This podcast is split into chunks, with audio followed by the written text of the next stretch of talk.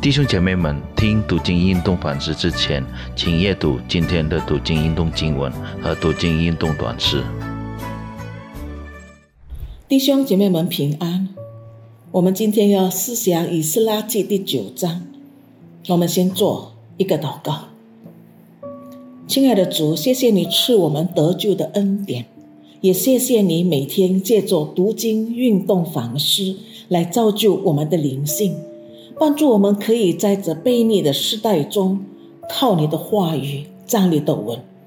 这短短时间的学习，求你帮助我们，靠耶稣基督的名祷告，阿门。以色列民三次被掳，从被掳之地归回也共有三次。第一次由梭罗巴伯带领，第二次由以斯拉带领。第三次由尼西尼带领，《以斯拉记》第一到第六章记载，所罗巴伯带领以色列民第一次回国，他主要的工作是重建圣殿。第六章到第七章相隔了五十八年，七章到十章是以斯拉率领众人第二次归回。他的工作是重整人心，使全国的人都得到神话语的光照，在学民中起了极大的复兴。我们来看第九章的分段。第一，以色列人与外族通婚的罪；第二，以斯拉为百姓认罪祷告。我们看第一段，以色列人与外族通婚的罪。第一节说，这事做完了，就是圣殿建造完了，神的子民有了敬拜神的地方，他们也交代了圣殿的现金与器皿，并接受了律法的教导。随后，以斯拉接到众首领报告说，第一批归回的以色列民没有离弃外邦人。他们娶了外邦女子为妻，神圣洁的殖民与外邦国民混杂了，带领殖民犯罪的竟然是他们的首领和官长。不准与外邦人通婚，是因为民族的优越感吗？是种族歧视吗？不，这里写出的原因是和外邦国民混杂。不可避免的要带来宗教与道德上的混杂。亚哈王、所罗门王就是被外邦女子引诱犯罪，使以色列人远离了神。神早就明文规定禁止与外人结亲，并且借着众先知不断的警告，他们若在任何方面与外人混杂，神就会收回他的同在。以色列民是神所拣选、被分别出来的，要成为神圣洁的子民。神是全世界蒙福的旨意，不能借一个不纯洁的民族来成就。第二，以斯拉为百姓认罪祷告。以斯拉代表以色列百姓，有个人以致全体的认罪。圣经说。他从早到晚坐着，惊惧忧闷，撕裂衣服，扒了头发和胡须，双膝跪下，向神承认从列祖直到今日百姓的罪，承认他们的罪恶甚重。今日的光景是自作自受的，是应得的惩罚。祷告中，以斯拉感谢神的慈爱和怜悯。神没有丢弃自己拣选的子民，神施恩留些逃脱的人，使百姓安稳如钉子，重建神的殿，也有了部分作为防卫的城墙。百姓的属灵光景是稍微复兴，并不稳定，他们还需要进一步被重建，再一次恢复与神立约和谐的关系。第九章是以色列为百姓混杂认罪，第十章他记聚百姓，处理这个混杂的问题。混杂的意思就是与别的混合起来，成为一团，以致个别的独特性都消失了。今日基督徒所面对的混杂是什么呢？在这里简单的提出大家都熟悉的几处新约经文来做参考。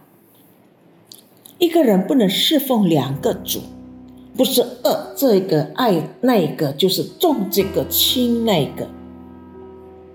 人若爱世界，爱父的心就不在他里面了。保罗说：“信和不信的也不相配，不能同父一恶。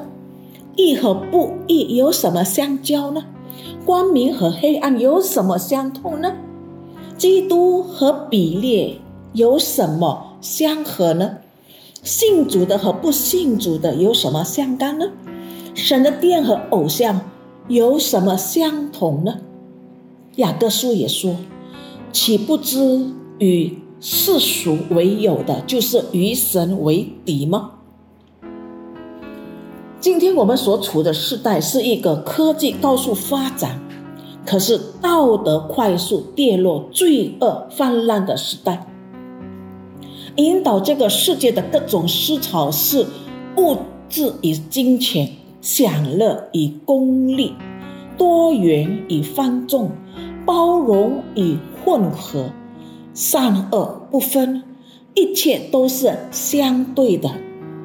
整个世界因着媒体普及，给工作和生活带来极大的便利，但同时也给我们很多负面的影响。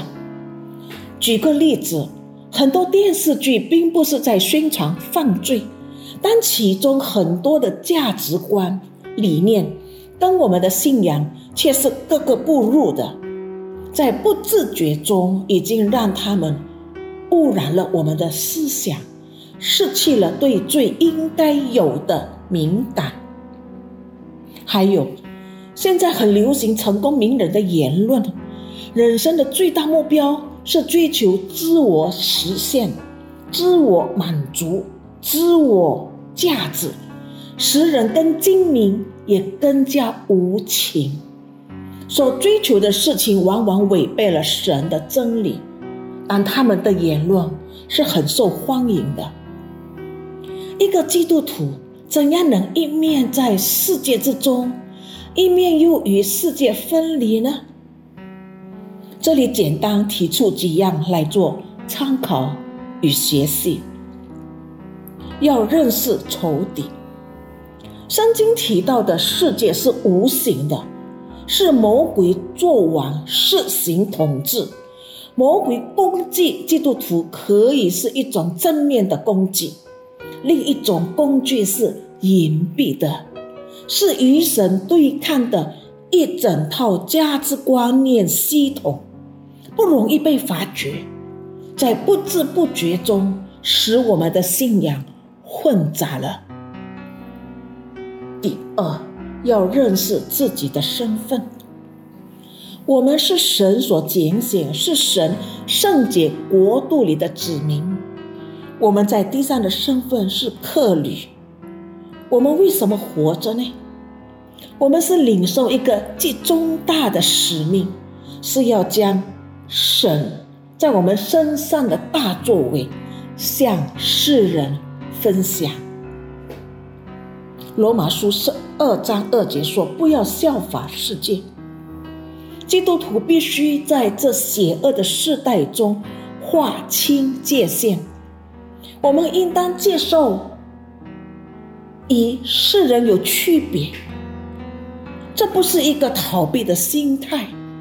乃是有更高的追求，这样才能胜过世界的网络，过着为主分别为圣的生活。最后，活在这个堕落的世界，我们没有一个人可以真正做到完全不以世俗为友。只有当我们在基督里成熟的时候，我们对世界的兴趣。就变得越来越少。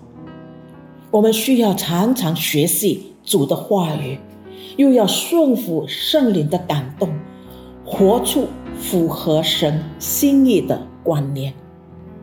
我们祷告，天父，感谢你拣选我们成为你的儿女，属天国的子民。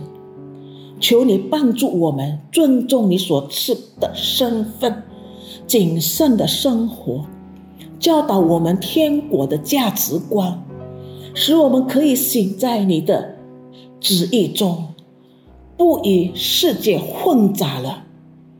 奉耶稣基督的名祷告，阿门。